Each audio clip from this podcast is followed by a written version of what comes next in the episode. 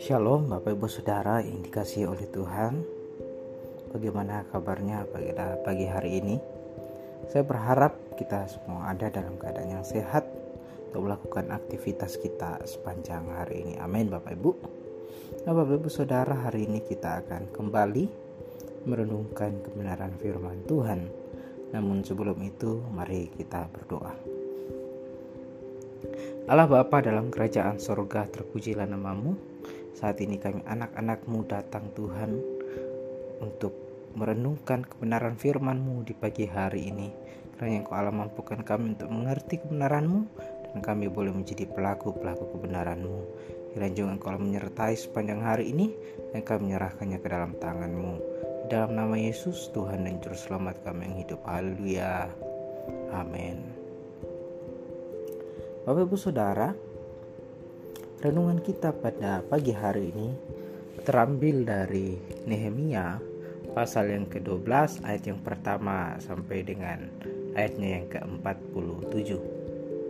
Bapak Ibu, kalau kita melihat dalam Alkitab kita, maka kita mendapati bahwa pasal ini terbagi menjadi tiga perikop. Perikop yang pertama adalah daftar para imam dan orang-orang Lewi Perikop yang kedua adalah pentahbisan tembok Yerusalem dan perikop yang terakhir adalah jaminan hidup untuk para imam dan orang-orang Lewi. Dalam bagian pertama yang dimulai dari ayat yang pertama sampai dengan ayat yang ke-26 ini menuliskan daftar para imam dan orang-orang Lewi para imam dan orang-orang Lewi yang disebutkan dalam kitab ini adalah orang-orang yang bersama dengan Zerubabel bin Sealtiel, seorang bupati Israel yang memimpin orang Israel kembali dari pembuangan. Para imam dan orang-orang Lewi adalah mereka yang dipilih sebagai perwakilan umat untuk memberikan korban kepada Allah. Mereka melayani di bait Allah mereka memimpin nyanyian dan pujian kepada Allah. Dalam bagian pertama ini disebutkan bahwa orang-orang Lewi ditempatkan sesuai dengan tanggung jawab yang diberikan kepada mereka. Seperti yang tertulis di ayat yang ke-24, inilah para kepala orang-orang Lewi, Hasabia, Serebia, Yesua bin Kadmiel, dan saudara-saudara mereka yang berdiri di hadapan mereka untuk menyanyikan puji-pujian dan syukur sesuai dengan perintah Daud abdi Allah itu kelompok di samping kelompok. Kemudian di ayat yang ke-25 matanya Bakbuya, Obaja, Mesulam, Talmon dan Akub adalah penunggu-penunggu pintu gerbang yang mengadakan penjagaan di gudang-gudang perlengkapan pada pintu-pintu gerbang. Bapak Ibu Saudara, hal ini mengingatkan seperti halnya para imam dan orang-orang Lewi ditempatkan dengan tugas dan tanggung jawab masing-masing. Demikian juga kita di hadapan Allah. Allah memberikan kemampuan kepada kita yang berbeda-beda, dan semuanya itu kita bisa gunakan untuk melayani dan memuliakan nama Tuhan. Amin Bapak Ibu Saudara.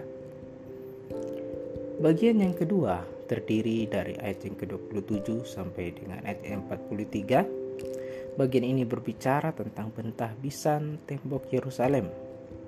Orang-orang dari seluruh Israel dipanggil untuk mengadakan pentahbisan atau peresmian tembok Yerusalem yang disertai dengan ucapan syukur dan puji-pujian kepada Allah dengan musik-musik yang sangat meriah. Pada waktu itu juga Nehemia mempersilahkan para pemimpin orang Yehuda naik ke atas tembok dan ia membentuk paduan suara untuk menaikkan pujian kepada Allah. Mereka mempersiapkan dan memberikan yang terbaik apa yang mereka bisa berikan. Mereka melakukan yang terbaik apa yang bisa mereka lakukan bagi Allah. Dan pada ayat yang ke-43 dituliskan, pada hari itu mereka mempersembahkan korban yang besar.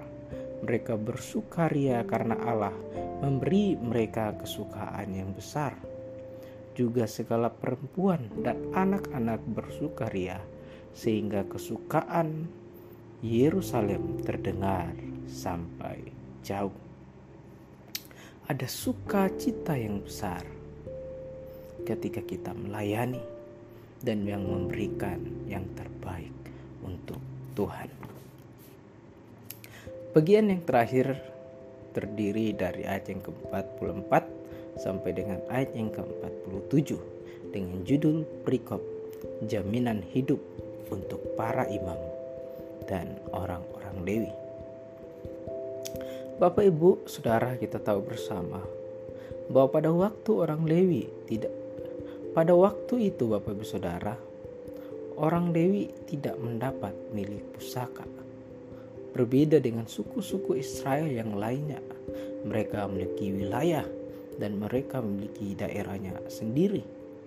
Tuhan adalah milik pusaka bangsa Lewi dan Allah mencukupkan kebutuhan mereka melalui persepuluhan saudara-saudaranya.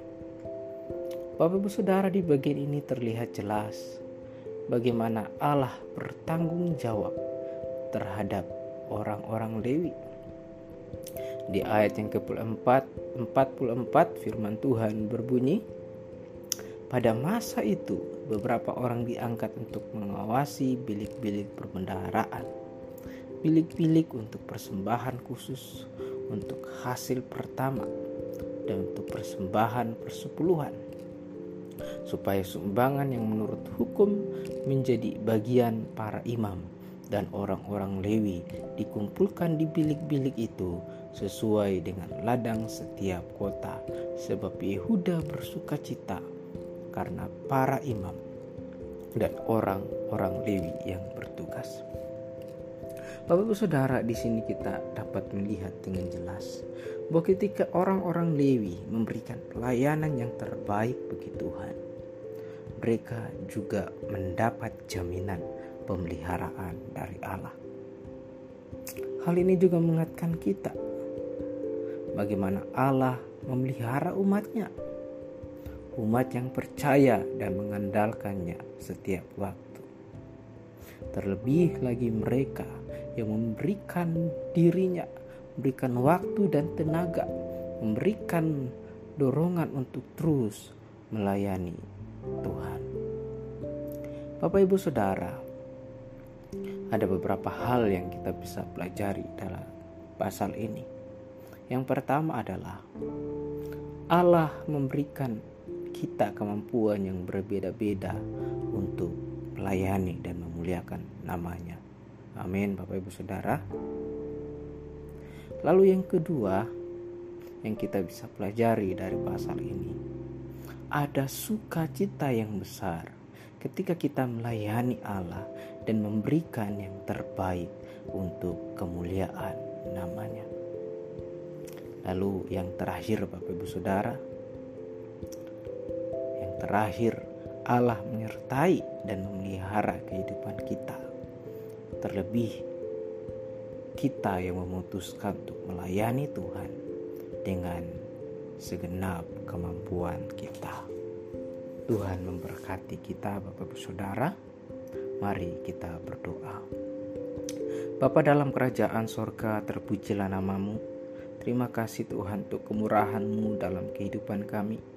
Jika pada hari ini kami boleh merenungkan kebenaran firman-Mu, Biar Engkau Allah menguatkan dan mampukan kami Tuhan untuk memahami dan mengerti maksud rencanamu dalam kehidupan kami. Biar kami boleh menjadi pelaku-pelaku kebenaran firman-Mu Tuhan dalam setiap kehidupan kami ya Allah.